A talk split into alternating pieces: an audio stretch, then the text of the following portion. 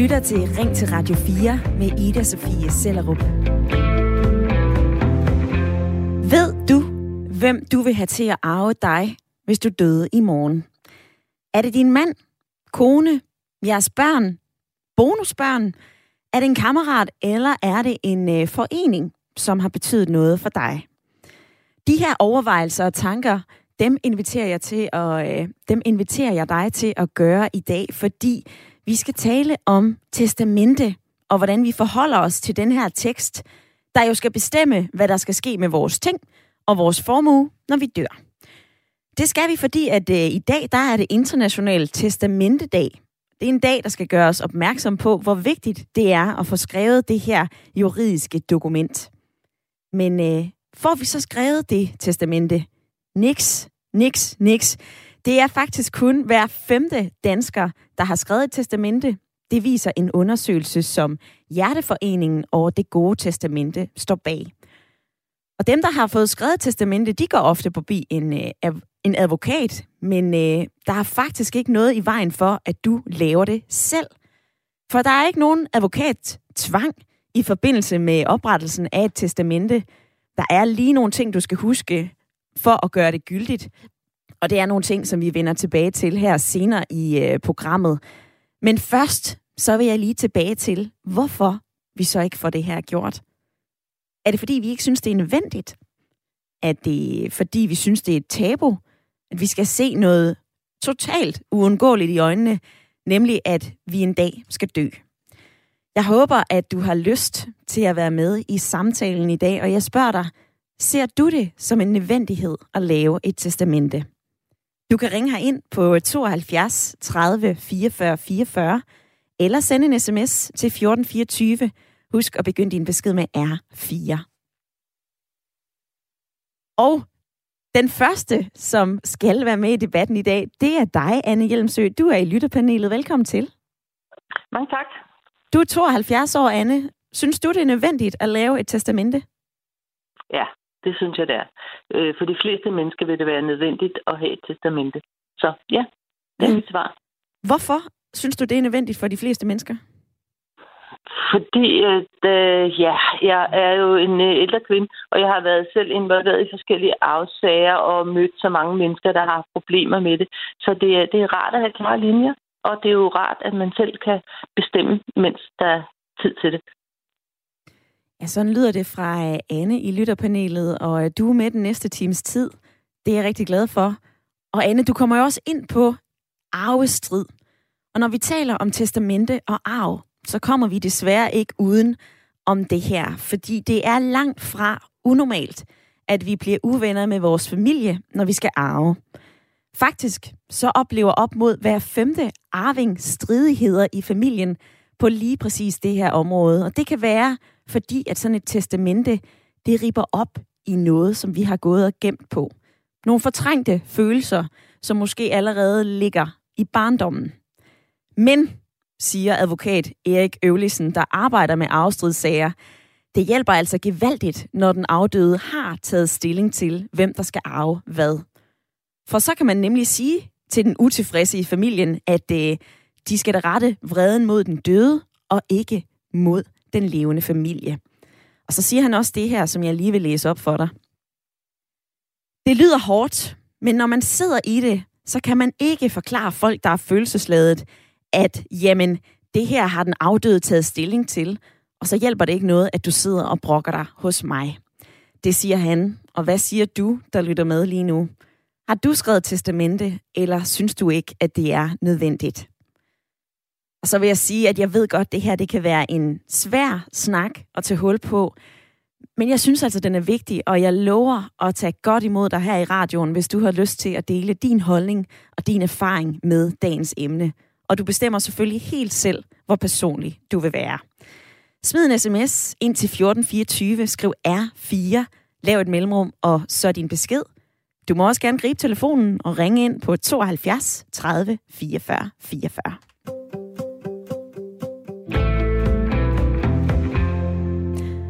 Og Anne, jeg vil lige vende tilbage til dig, fordi øh, har du skrevet testamente?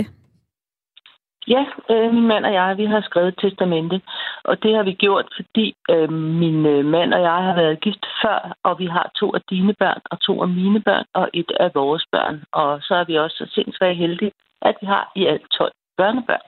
Så for søren. Så er der også, øh, så er der også rigeligt at få skrevet ned til.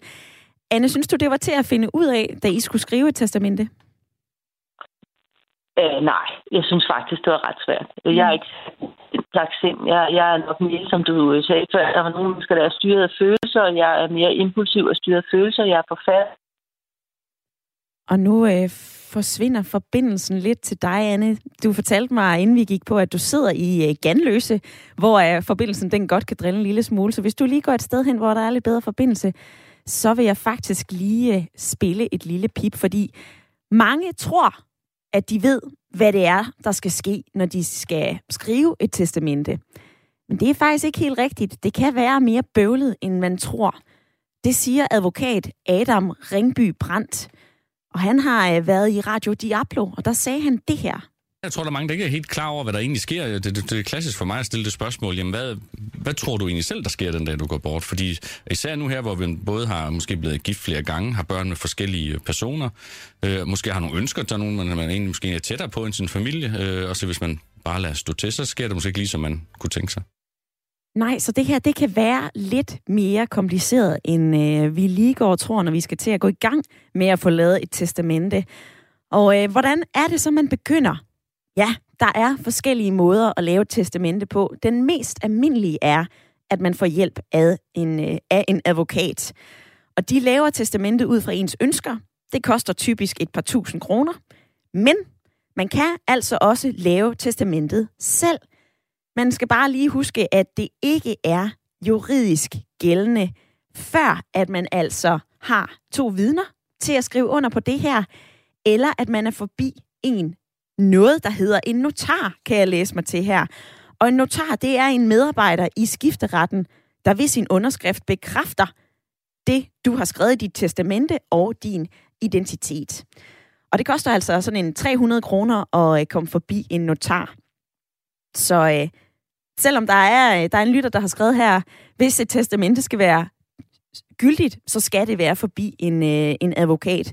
Du kan også gå forbi en notar og, øh, og få det registreret på den måde. Så vil jeg lige sige velkommen til øh, Morten, fordi du har ringet ind for at være med i debatten i dag. Velkommen til. Jo, tak. Jeg spørger jo lytterne i dag, og jeg spørger dig, Morten, om øh, I synes, det er nødvendigt at lave et testamente. Hvad siger du til det? Jamen altså, jeg siger, at jeg sådan lige, nu skal jeg nok øh, lige gøre den meget kort, for øh, sådan set, vi skal snakke om det andet med mine børn og det, men altså, jeg har selv oplevet på egen krop, altså, vi havde noget helt fra 1969 og så til år 2001, hvor vi var min gudmor og min onkel, at vi, skulle, vi var 15 mennesker, der skulle arve. Og så tænkte de, så ved du hvad, der er ikke nogen, der sådan skal øh, ja, rode og rave med det, eller være men der var jeg så universalarving på 2006, og så blev det alligevel taget fra mig der i 2016, da han så døde, eller det er faktisk allerede 14, da jeg ikke kunne klare ham mere, ikke? Og ikke min onkel. Men være med ham. Nå, så du blev snydt? Det, jeg siger med, med, med i hvert fald, det er, at jeg går ind for det, fordi det har fuldstændig det er rigtig god problematik, fordi det er trods alt stadigvæk den der skifteret, som øh, går ind og, og, og rent sagt kigger på det. Og er der flere mennesker, hvor du også nævnte det der før, jamen altså, hvad skal der ske, når det er, man går bort? Ja. Så kan det være med nyt ægteskab, eller det kan være med nogle nye børn. Men lige så meget det der med, at, at hvad har man sådan set selv af ønsker, ikke også? Ikke? Ligesom også, hvad skal der ske, når man dør? Mm. Det må man egentlig gerne hænge sådan en lille seddel op, ikke også? Ikke? Så, så folk de kan respektere det, fordi altså, det synes jeg helt bestemt, at man, det skal ikke være tabu, når vi dør. Og med mig, der har jeg så en hvad kan man sige, bonussøn, som jeg har været sammen med, siden han var 16 måneder, og han skal også øh, arve mig på samme vilkår som de to andre. Ja. De er altså tre, der skal slukke respiratoren, har betalt 1000 kroner ekstra for at også få lavet. Sådan at, at, at man så kan så sige, jamen de tre, de bliver nødt til at, at rent nu sagt blive enige om det, ikke også? Mm. Så har du simpelthen skrevet dit testamente helt færdigt, Morten? Eller øh, hvor langt er du i den proces? Jamen altså, langt den ad vejen, så har jeg jo selvfølgelig ikke, hvad kan man sige, fundet en ny kone, eller giftet mig, eller samboende med noget. Men ellers, altså, det skal man jo også passe på, fordi det er jo et eller andet med at gøre, at der er noget, der hedder tvangsarv, og der er noget, der hedder de der forskellige altså, fordelinger. Du kender også, altså for eksempel sådan noget med ens pension og sådan noget, ikke også? Mm. Men øh, altså, ja, det er, jo, jeg har fået lavet det testament der. Det er så også, som du selv siger, med at lige få det i, altså med stempel og skifteretter, og det ikke også, ikke? Så det i hvert fald ligger en, en, en kopi af det der, ikke også? Så her med en opfordring fra dig, Morten, om, at det her, det er altså noget nødvendigt. Det er noget, vi skal gøre. Ja, fordi ellers også, det der i værste fald, det er mange gange, at, at jeg har faktisk en, og nu hørte jeg så sidste gang før det her corona-helvede, da han så sagde, at han havde lavet et testament, ikke også? Men om det er så til en god organisation, eller det er dyrene, eller det er kattens værn, eller et eller andet, at, at, at, at ikke at det er bare staten, der for eksempel øh, går hen og, og arver ham, fordi han bor jo så i hans forældres hus oppe i, i noget, der hedder Fuglebakken her i Aarhus, ikke også? Ikke? Mm. Og det er jo, altså, så synes jeg i hvert fald, at det er bedre, at det går til en organisation, for de skal jo heller ikke betale boafgift, jo ikke også, ikke? Fordi det, det er jo også sådan noget, der, der er lidt, altså... Ja, og for den sags skyld også, altså, hvad der, hvad der skal ske med, med tingene, ikke også, ikke? Altså, der kan jo være nogle personlige ejendele, der kan jo også være, altså, mm. ja, billeder og minder, ikke også? Ja, ja det er jo... Øh det er jo netop en, en stor snak at tage, og det rummer rigtig mange forskellige ting ja. og, og tale om testamenter og hvad der skal ske, når vi engang ikke er her mere. Men Morten, tak fordi du havde lyst til at være ja. med i debatten Jamen, i dag. selv tak. Da. Det var et rigtig godt emne, ikke også? Så have en god dag. Ja, i lige måde du. Og øh, der er flere, der melder ind på sms'en. Katarina, hun har skrevet den her, puha, det var et ekstremt tungt emne på sådan en mandag morgen. Men jo, det er vigtigt at skrive et testamente. Jeg har dog ikke selv fået det gjort endnu. Jeg er 38 år, og jeg regner selvfølgelig med at leve en hel del år endnu. Men øh, det er nok mest fordi, at jeg synes, at sådan noget her, det er følelsesmæssigt super svært at tale om, skriver Katarina ind på 1424. Og så har Ellen skrevet den her, det er da ikke nødvendigt for alle at oprette testamente. Jeg har gjort det, da jeg ikke har nogen børn, og jeg har selv skrevet det, og jeg har selv fået det tinglyst. Og så har Henrik meldt ind, hej Ida, det er sgu, der er sgu ikke noget at arve efter mig, så jeg er ligeglad på det tidspunkt alligevel, skriver Henrik. Vær med i debatten i dag. Jeg spørger, om du synes, det er nødvendigt at lave et øh, testamente. Skriv ind på sms'en 1424 eller ring på 72 30 44 44.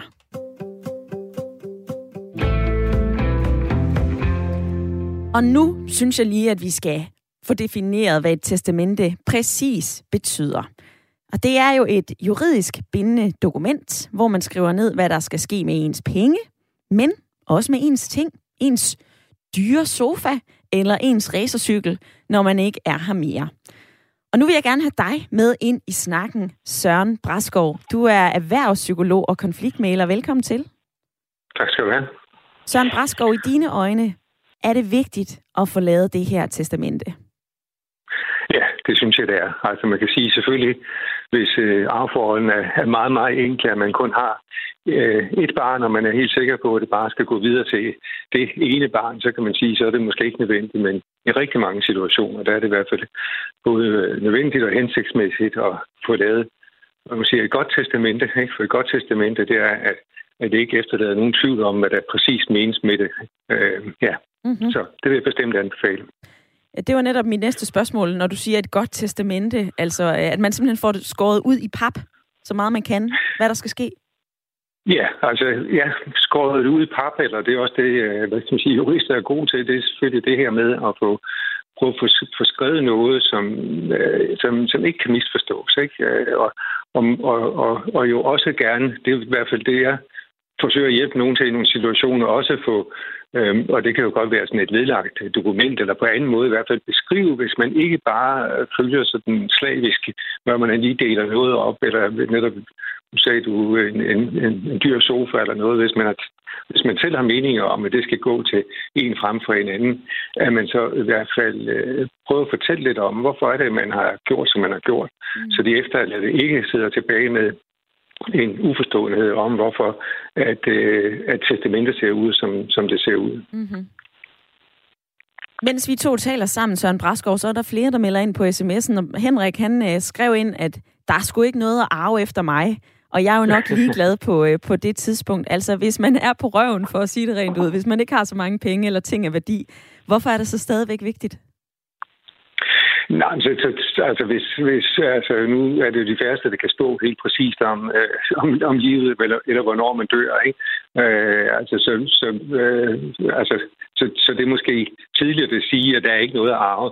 Men selvfølgelig er der, er der ingenting, altså, eller man ikke ejer noget, eller er, er betydeligt. Nej, så, så altså, øh, tænker jeg da heller ikke, at man skal bruge kræfter med et testamente.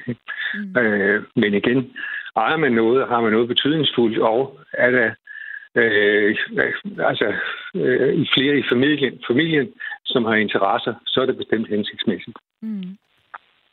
Du er jo også konfliktmæler, øh, og i det ord, så, øh, så bliver jeg nysgerrig. Søren Braskov, hvad er det, du har oplevet, der kan ske i de her sager, hvor øh, man har eller ikke har skrevet testamente? Jamen, der kan ske rigtig meget. Altså det, der jo i hvert fald kan ske, det er, at, øh, at, øh, at de, de efterladte fyr, altså kommer i voldsom konflikt med hinanden. Det tror jeg jo mange har set på afstand, hvis man ikke selv har været en del af det, at, at der er noget, der virkelig kan få øh, familier i, i besvær, så er det jo afforhold, øh, hvor, hvor hvor stærke følelser kommer i, i spil. Så det kan selvfølgelig også være på grund af nogle store midler, men ikke nødvendigvis på grund af det. Men fordi, at, at alt kommer i spil om, øh, øh, hvordan skal jeg forstå mine forældre i den situation? Øh, hvorfor har de øh, hvorfor har de øh, givet rigtig meget til kattens værn og stort set ikke noget til os? Altså er det mm. fordi, at, at jeg sådan skal lægge noget i det af, mere betydningsfuld vej ikke, eller hvad det nu måtte være. Så, altså, så der kommer bare rigtig mange følelser i spil, øh, og det er jo på et afgørende tidspunkt, hvor nu, nu skal der træffes nogle beslutninger, eller der bliver bestemt noget omkring, hvordan arveforholdet skal øh, fordele sig. Ikke? Ja. Øh, og, så, og så bliver det stærkt og konfliktfyldt. Så det kan det i hvert fald blive. Ikke? Ja. Og hvad så, hvis man sidder der og er endt i sådan en konflikt? Hvad skal man så gøre, Søren Braskov? Jamen altså, man skal jo, altså, man skal jo bestræbe sig på på alle måder at, at få, få holdt fast i dialogen, ikke? og prøve på at holde fast i og, og, og finde ud af, hvordan løser vi det på den mest øh, hensigtsmæssige måde. Altså, og det er jo, det er jo der sådan en som, som mig, nogle situationer, der kommer ind, men man skal også bruge altså gode familiemedlemmer eller nogle andre, som man har tillid til, til rent faktisk at hjælpe, hvis man er meget stridende på det her punkt til at, at, at få lagt følelserne ned og, og få, få tænkt sig godt om, hvad pokker gør vi med noget, som måske også virkelig er svært at, at løse. Mm. Altså, en ting kan være penge, kan man sige, dem kan man jo nogenlunde dele op, men det kan jo være meget sværere med et, et maleri, ikke? Og hvis et maleri, det kan jo både have en stærk affektionsværdi, men det kan jo også, øh, hvad kan man sige, måske koste mange penge, eller det kan omsættes til mange penge. Mm. Og hvordan gør man så det? Altså, hvordan øh, får man det øh, sat i spil på en måde, så, så de forskellige søstre kan synes, at det er en retfærdig fordeling? Det, det, det kan godt være en, en øvelse, og det kan, det, her det kan være vigtigt at prøve. Enten at man som forældre prøver på at sætte nogle principper op omkring, hvordan synes vi, at, at børnene skal prøve at håndtere det her, eller det vil vi, eller medmindre man har delt det ud. Mm-hmm. Eller man som, som søskende prøver på at få talt sammen om, er det nogle principper, som vi deler ud fra, som skal prøve på at ramme både altså retfærdighed og rimelighed, øh, øh, og så se, om det kan gå op i en højere enhed. Mm. Søren Braskov, erhvervspsykolog og konfliktmaler. Tak fordi du havde lyst til at være med i Ring til Radio 4 i dag. Mm, velbekomme.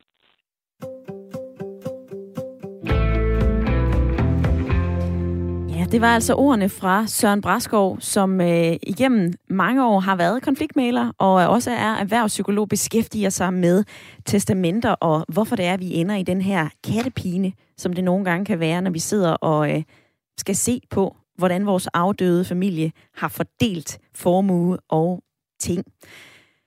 Uden, så har jeg fået en sms her fra Annette, uden at fortabe sig i egne forhold i relation til børn og andre mulige arvinger, så har vi på et personligt plan været forbi en advokat, og i vores land, så har vi jo begrebet tvangsarvinger.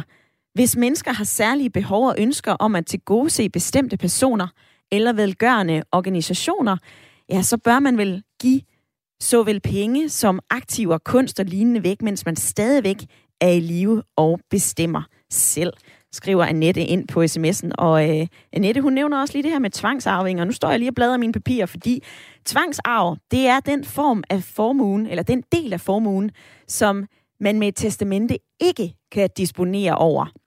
Og det kan for eksempel være afdødes ægtefælle, børn og børnebørn. Sådan en tvangsarv, den udgår 25 procent af arven, hvis man har tvangsarvinger.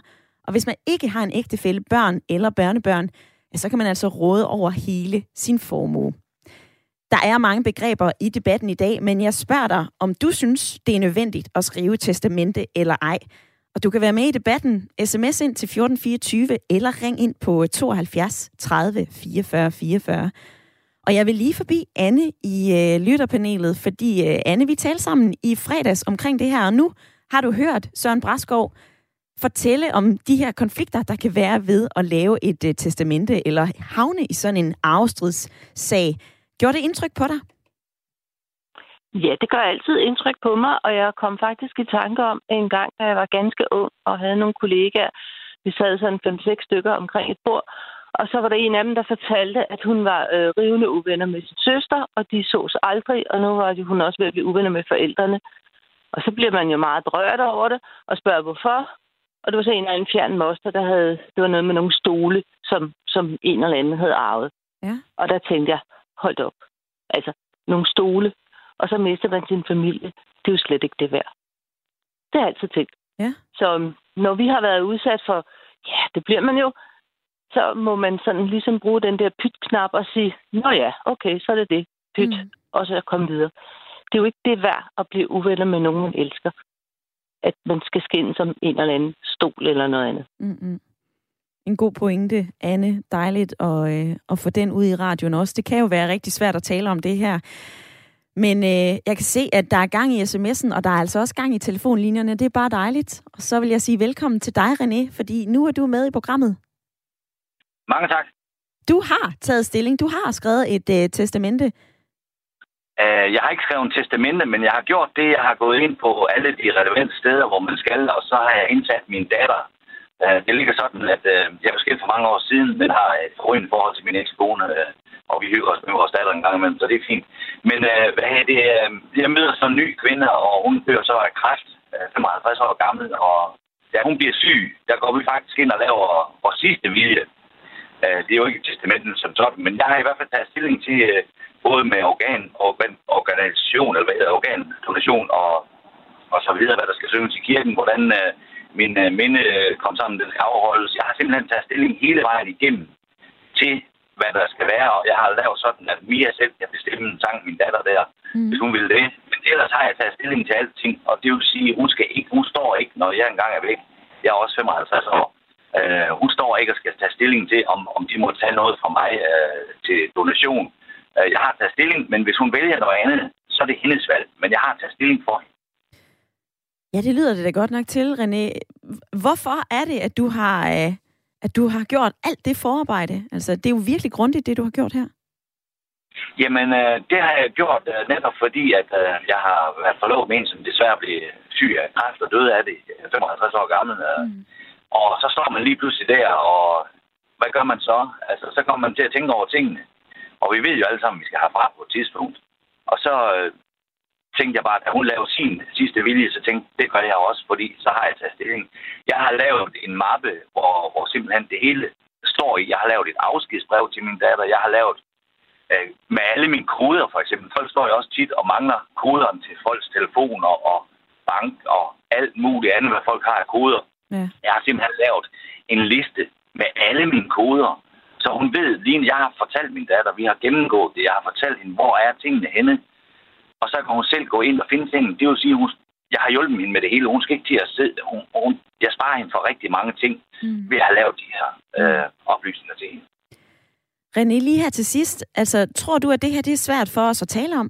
Det her med testamenter? Det øh, er det måske nok. Øh, jeg har samtidig spurgt min, min far og mor og sagt, hvad har I fået lavet noget? Og nej, det har det ikke, fordi det er ligesom at stå med det ene ben i graven. Jamen, det er meget muligt, men vi skal jo den vej, og, og, og det gør det altså bare noget nemmere for sine efterladte. Mm. Altså, og om der så er noget tilbage på, på kontoen eller noget andet, det, det må man jo se til den tid. Det er ikke noget, jeg går og sparer op til, at hun skal have noget, en masse penge. De, de unge mennesker tjener masser af penge i dag.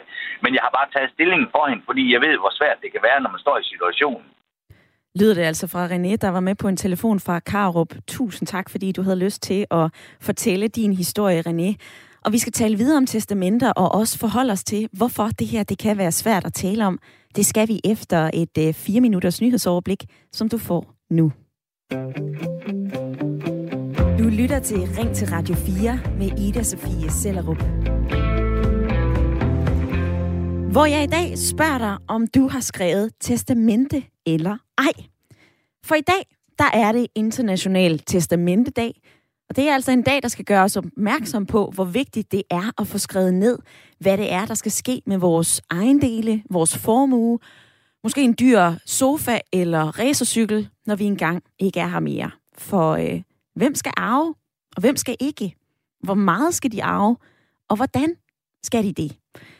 Det lyder måske en øh, anelse støvet, sådan en testamentesnak, men det er altså enormt vigtigt, for arv kan splitte familier ad. Det talte jeg med konfliktmæler Søren Braskov om i første halve time af programmet her. Og i den næste halve time, så dykker vi både ned i, hvorfor det kan være så svært for os at tage fat på den her snak om testamenter.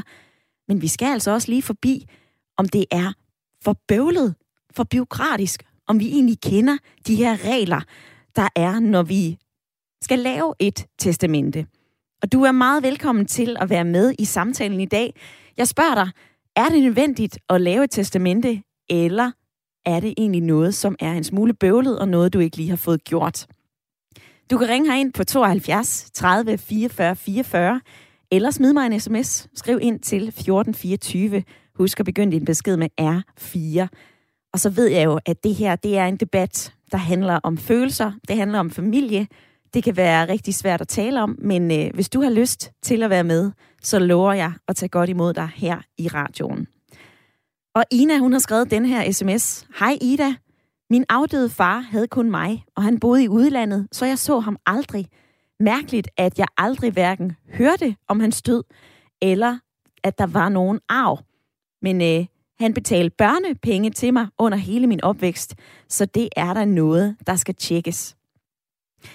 Og lad mig lige vende tilbage til nogle af de her regler, som vi er kommet ind på i forbindelse med programmet i dag, fordi hvis ikke du er gift, så er det dine børn, der arver alting efter dig. Og hvis ikke du har børn, så er det din familie, men altså ikke en kæreste eller samlever. Der er flere regler i, øh, i arveloven, som jeg står og læser op fra lige nu, men for at gøre det lidt mere spiffy, så har jeg faktisk også en quiz med. Og Anne i lytterpanelet, jeg håber, du er klar på en lille quiz. Øh, ja. Ja. Jeg har ikke rigtig forberedt dig, men, øh, men det håber jeg, du er, du er klar på. Øhm, jeg er frisk. Godt, Anne. Jeg, det første, det lyder sådan her. Jeg har ret til at sidde i uskiftet bo med mine bonusbørn. Er det sandt, eller er det falsk? Øh. det tror jeg faktisk, man har ret til. Men man skal vel være inde med sin øh, ægtefælde om det. Mm. Det er faktisk falsk. Ikke automatisk. Hvis din ægtefælle, børn eller andre end dig øh, skal blive boende i uskiftet bo, ja, så kan de forlange, at du skifter boet, hvis din ægtefælle dør før dig. Så er der et andet lille spørgsmål. Det er måske også noget, der er, der er relevant. Du sagde, I havde en masse øh, bonusbørn, fortalte du tidligere i programmet, Anne. Ja. Der er også den her, der hedder... Øh, Staten får alle mine penge, hvis ikke jeg har skrevet testamente og ikke har arvinger i henhold til arveloven. Er det sandt, eller er det falsk? Det er sandt. Det, det er nemlig rigtigt. Staten får hele din arv, hvis ikke du har arvinger øh, i forhold til, øh, til arveloven. Og hvis du så gerne vil bestemme, hvem der skal arve dig, så skal du jo skrive testamente. Og det var også det, du fortalte i begyndelsen af programmet, Anne. Det er jo det, som du og din øh, mand allerede har kigget på, fordi I har børn, og 12 børnebørn. Men jeg vil også godt spørge dig, om, øh, om du synes, det her det er noget bøvlet noget at give sig i kast med? Ja, jeg synes faktisk, det er bøvlet. Men, men når det kommer til stykket, så er det jo nok øh, de følelser, der er allermest bøvlet. Alene det at tage hul på emnet, øh, synes jeg øh, er svært, selvom det er ganske fornuftigt. Og så skal man jo ind på nogle tanker øh, og, og bestemme nogle ting, som man, øh, som kan ske om mange, mange år. Men alligevel ved man godt, at det er nødvendigt, og man ved også godt, at det, et dødsfald kan ske på om fem sekunder. Det, sådan er vilkårene jo ved at leve. Mm. Men jeg synes, det er, at det, det, der er mest bøvlet, det er faktisk øh, tilgangen til det og følelserne omkring det, fordi det der advokatmæssigt, det er jo sådan set ikke bøvligt. Det er jo bare noget, man kan gøre. Mm siger Anne i øh, lytterpanelet. Og Anne, det her med følelserne, det øh, skriver Charlotte også ind på sms'en. Hun skriver følgende. Jeg er nødt til at få lavet et testamente på grund af familiekonflikter, men jeg synes, det er svært at komme i gang. 51 år, følelsesmæssigt svært. Med venlig hilsen, Charlotte. Og så er der endnu en her. Vi ser og hører det hele tiden, disse stridigheder om, hvorvidt ret ligegyldige og simple effekter uden reel værdi skal fordeles. Næsten altid så handler det om øh, menneskers traumer i fortiden, nok især barndom og ungdom, og det er sørgeligt, og det er ulykkeligt. Og hvis du har lyst til at dele din erfaring, din holdning til debatten i dag, som handler om testamenter, både om det er bøvlet, sådan rent biokratisk, men også om det er bøvlet i forhold til, hvad det er, der sker indeni i vores følelser, når vi skal konfrontere os selv med, at vi engang ikke skal herfra, og hvem der så skal arve efter os, ja, så er du altså meget velkommen til at være med i debatten i dag. Der er fortsat 20 minutter tilbage af Ring til Radio 4, så øh, smid mig en sms, skriv ind til 1424, eller ring ind på 72 30 44 44. Og det har du gjort, Kåre. Velkommen til programmet. Tak. Øhm, jeg reagerer på det der med, øh, at det er lagt op som, at folk synes ikke, det er nødvendigt, og derfor fordi det ikke gjort. Øh, men øh, der er også noget helt andet. Altså, øh, jeg har ikke nogen efterkommere, Øhm, så øh, der er jo ikke alle de der øh, følelsesproblemer. Men øhm, øh, det er et spørgsmål om, øh, hvor skal pengene så gå hen til? Ja. Øhm, Altså, det er jo meget svært at finde ud af, hvad, øh, hvilken organisation eller forening øh, øh, vil man øh, betænke. Øh, fordi det, der i dag ser ud som, at dem vil jeg gerne støtte, øh, det er måske nogle helt andre, end jeg vil om 10 eller 20 år. Øh, fordi øh, der er måske nogen, der, der virkelig havde godt af at få en økonomisk hjælp lige nu, mm. men det er måske nogle helt andre, øh, om 20 år. Og det vil sige, øh, at det er jo kun, hvis tiden er tæt på, og man ved, at man snart skal dø, at man kan øh, gøre op, hvem skal egentlig have de penge. Sådan her og nu, hvis det er et stykke ud i fremtiden, så, så er det meget svært. Og Kåre, som du siger her, så har du ingen arvinger, så lige nu så vil dine penge jo gå til øh, staten. Hvordan vil du have det med det? Øh, de vil gå til mine brødre. Jeg har to søskende, men de har heller ingen efterkommere. Mm.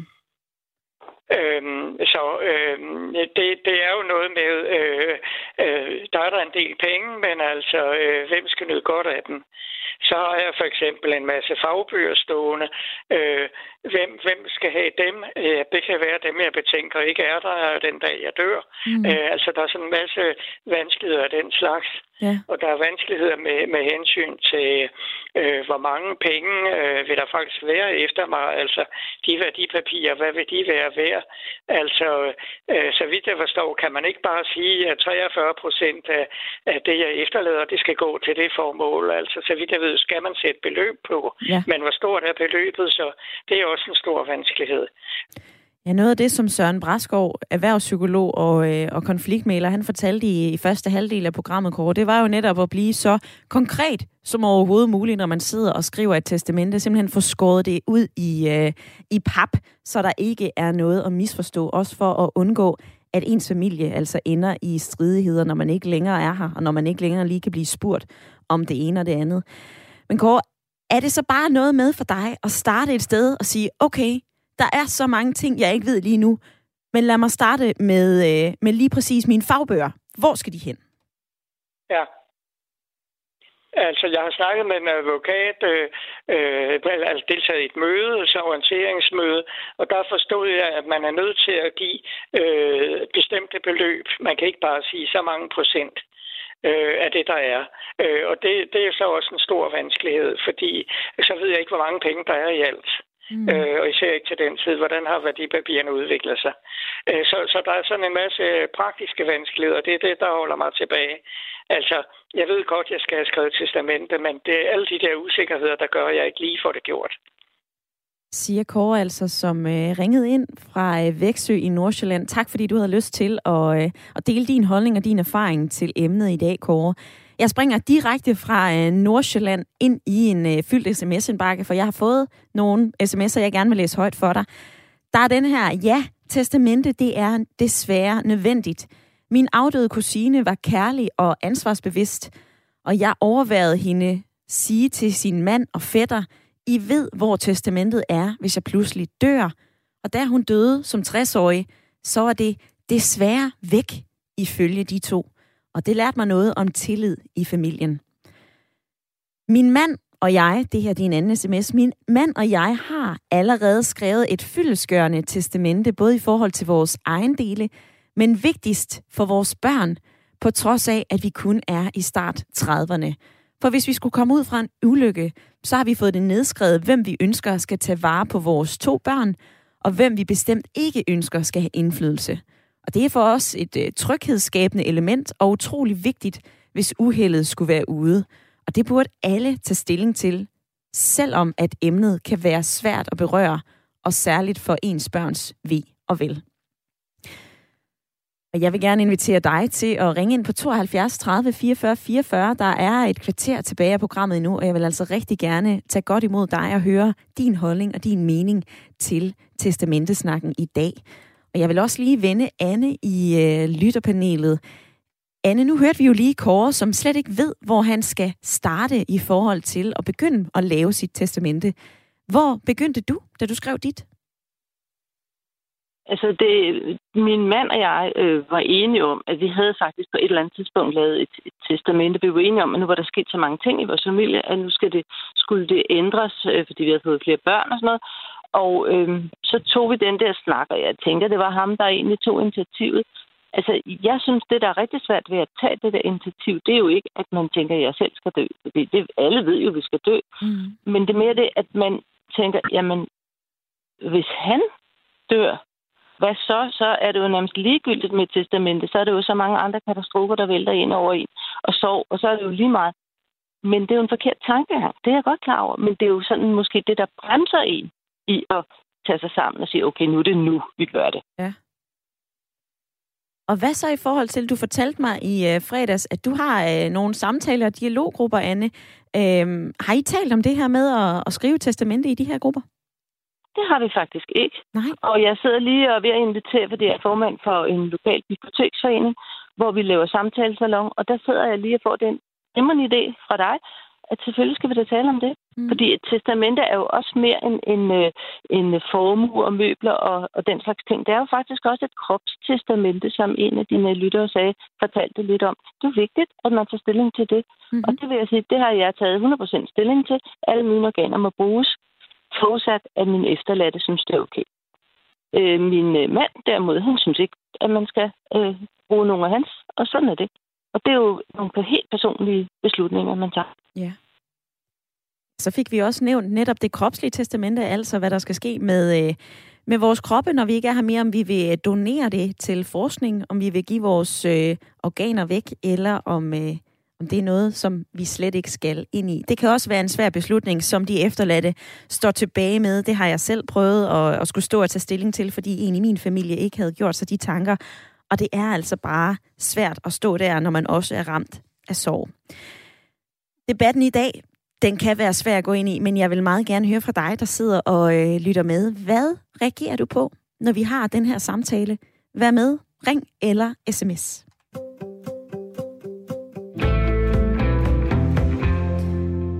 Og selvom de fleste af os nok godt kan tænke, at det der med et testamente, det er jo øh, ret smart at få gjort, så er der alligevel langt fra tanke til handling for os danskere. Og det skal vi tale om nu, fordi Gertrud Ølgaard, antropolog ved NIRAS, du har undersøgt danskernes tanker om testamenter.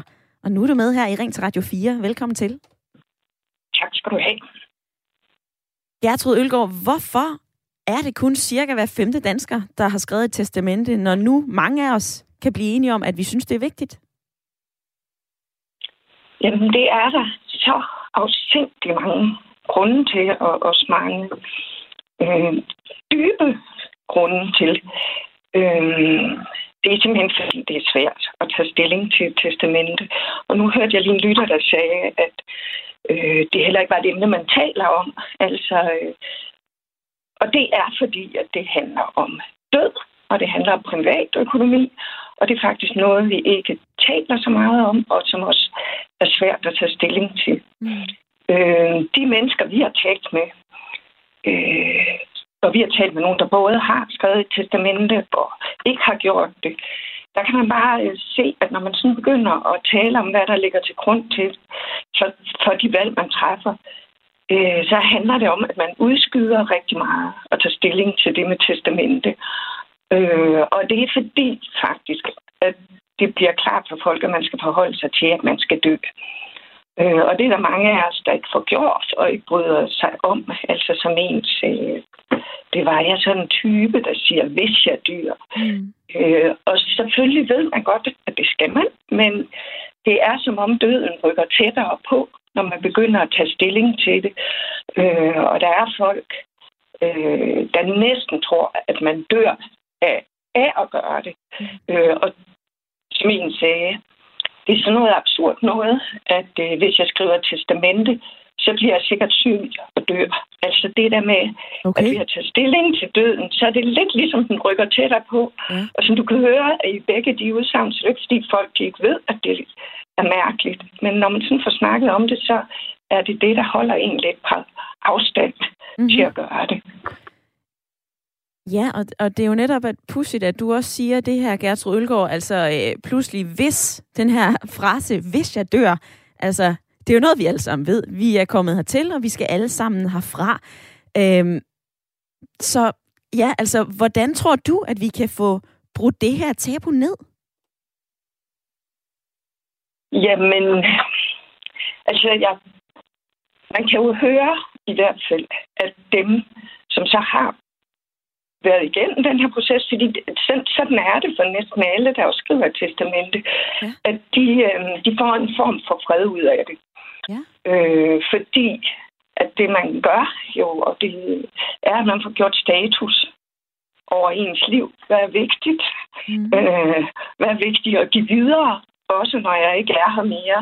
Så på den måde kan man sige, at mm, når man så får gjort det, så kommer man egentlig over på den anden side og får forlænget ens liv, efter man er død, fordi ens værdier kan man få ført videre. Øh, både, hvad skal man sige, økonomiske, men måske også andre værdier, øh, som handler om, øh, hvilke mennesker og måske sager, godgørende sager, man vælger at prioritere i sit testamente, øh, og på den måde egentlig forført noget videre. Mm. Så man kan sige, øh, det er nok det, vi alle sammen skal tænke på, at øh, den ro og den øh, afklaring og den at videreføre nogle værdier, øh, er det, der er en stor værdi ved at få testamenteret. Mm. Øh, det og Gertrud Ølgaard, øh, jeg vil også lige nå forbi, fordi du har jo netop undersøgt det her med danskernes tanker om testamenter, og der, er, der ved jeg også, at, at du i hvert fald er kommet frem til, at der måske er noget, der er ved at ændre sig. Altså, er vi ved at, øh, er vi ved at blive bedre til at tale om noget, der kan være svært, for eksempel testamente og døden? Øhm, jo mere vi gør det, som i dit program nu, øh, jo mere dukker det op til overfladen, og jo sværere bliver det at holde på afstand, at, øh, altså, at vi skal dø. Mm. Øh, så jo mere vi snakker sammen om det, øh, jo mere kommer vi nok til os at lave testamenter. Og så øh, er der måske også en udvikling i, at vi har nogle øh, familieformer, som, øh, som gør, at man bliver usikker på, om der bare er en naturlig orden, der, ja. øh, der tager vare på de her forhold. Ja. Gertrud Ølgaard, tak fordi at du havde lyst til at øh, være med i Ring til Radio 4. Til sidst så kommer du blandt andet ind på det her med, at øh, det har ændret sig den måde, vi har familier på, og det har det jo, fordi altså med kirkens indtog, det var der, hvor vi hørte om testamentet til at begynde med først. Øhm, og det var jo noget, altså reglerne for testamente er blevet fastlagt i danske lov tilbage i 1683, så der er jo sket en del siden da. Øhm, og blandt andet så har du også undersøgt noget af det her, ikke siden 1683, men i hvert fald så har du kigget på danskernes tanker om testamenter. Tak, fordi du havde lyst til at være med i dag.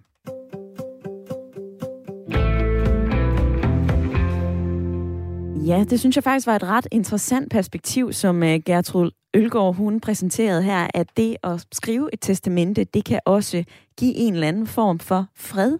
Altså at man øh, gør status over sit liv. Og øh, mig, Britt, fra Sydfyn, ja. velkommen til programmet. Du har også ringet ind. Hej med dig. Hej.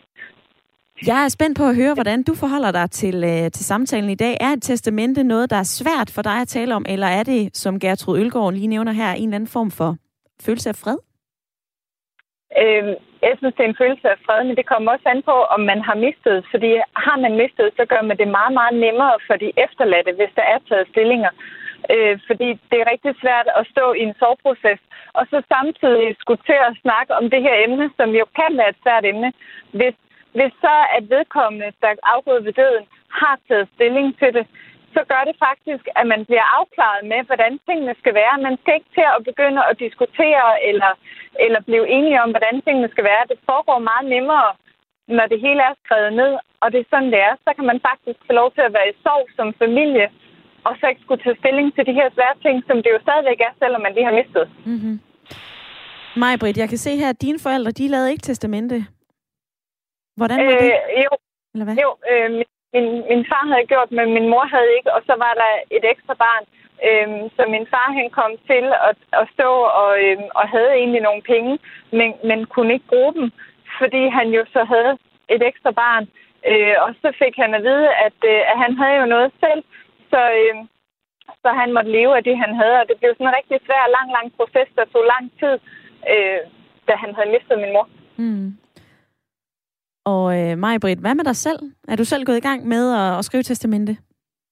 Ja, det har jeg gjort. Øh, min mand og jeg har været enige, og, og da vi mistede min far, øh, der, der lavede vi det med det samme, i, samtidig med, at vi skulle hvad hedder det, skifte boet og, og få gjort det hele op, så lavede vi et testamente, selvom at vi så kun har to børn, men så tog vi stilling til, der er jo ikke nogen, der ved, hvornår det sker. Så hvad nu hvis Mm. Øh, og det er faktisk en rigtig rar snak at have, og man lærer den, man lever sammen med, meget bedre at kende, fordi at, at man får snakket tingene igennem på en rigtig god måde. Mm. Og lige her til sidst, Majbrit, der er jo flere, der har meldt ind på sms'en. Det her, det er enormt svært at tale om følelsesmæssigt. Må jeg spørge dig, altså, øh, satte I jer bare ned, lavede en kop kaffe og sige, nu skal vi tale om det her, eller har du et godt råd til, hvordan man åbner for den her samtale? Øh, man, man kan sige, at jeg havde mistet, så, så derfor så vi jo gerne... Altså udgangspunktet, det blev, at vi vil vores børn det bedste. Og det er så at komme i gang. Mm. Det er i hvert fald det, jeg vil råde folk til. Maj Britt, tak for dit råd her i Ring Radio 4. Tak. Og øh, jeg springer fra øh, samtalen med mig, Britt, ind i sms'en, fordi at Lars har skrevet den her, Godmorgen. Min storebror døde sidste år ved et uheld og han havde ikke sørget for testamente, og hans to børn arvede intet, da der ikke var værdi i boet. Men kun nogle pensioner, som ubeskåret gik til hans samlever, som altså ikke var mor til børnene. Så sørg for at afklare dine egne forhold, før du dør. Med venlig hilsen, Lars fra Skive. Så er der den her, hej Ida, jeg har ingen pårørende, og min formue skal, skal ikke gå til ukendt familie. Så jeg skal skrive testamente til organisationer, der hjælper børn og dyr. Det skriver Ina. Og så har Mia skrevet den her. Det er ens pligt at skrive testamente. Skriv ned og gå til notarius i dit område og få det noteret, så det er gældende ved død. Og tvangsarv bør afskaffes, og vi bør selv vælge, hvem der skal arve, og hvor meget de skal arve i, som for eksempel, som man gør i USA. Og jeg vil lige nå forbi Anne i, øh, i lytterpanelet. Vi er snart ved at nå til vejs ende i uh, debatten i dag, men uh, jeg er spændt på at høre, hvad du tager med dig hjem fra samtalen. Nu er jeg jo forfatter, og derfor så bliver jeg altid inspireret af at høre andre mennesker. Så den ene ting, jeg tager med, det er, at jeg vil tage det der emne op i vores uh, samtalesalon. Og den anden ting, jeg vil sige, det er, at I kunne også prøve at læse noget litteratur omkring det. Ja. En bog, der hedder Det værste til sidst. Og der handler det om gamle mennesker. Og der er en novelle, der hedder øh, øh, allergi, og den kan man, man kan høre dem alle sammen på, øh, alle de der øh, tjenester, i, i tjenester, og også man kan også høre den på Radio 2. Øhm, og den handler faktisk om en indsigt, en kvinde får, fordi hun sidder sammen med sin søn og svigerdatter, øh, noget for bøffet, eller rettere sagt, det har hun jo været igennem år. Det, det går op for hende, hvordan de behandler hende, mm. og hvordan de behandler hendes mor.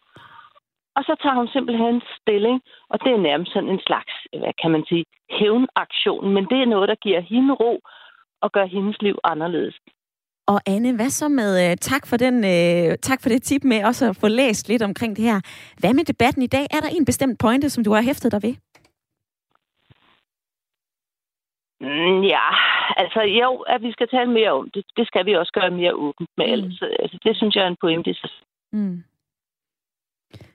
Ja, det er også en, øh, en god pointe. Jeg står selv herinde i studiet og, øh, og hæfter mig ved det, som øh, Gertrud Ølgaard, antropolog, hun fortalte blandt andet, at det her med at skrive testamente, det kan være ufattelig tabubelagt. Det kan være svært at tale om, fordi vi netop bliver konfronteret med noget, der ikke er særlig rart at tænke på, nemlig at øh, vi engang skal herfra, og vi engang skal dø.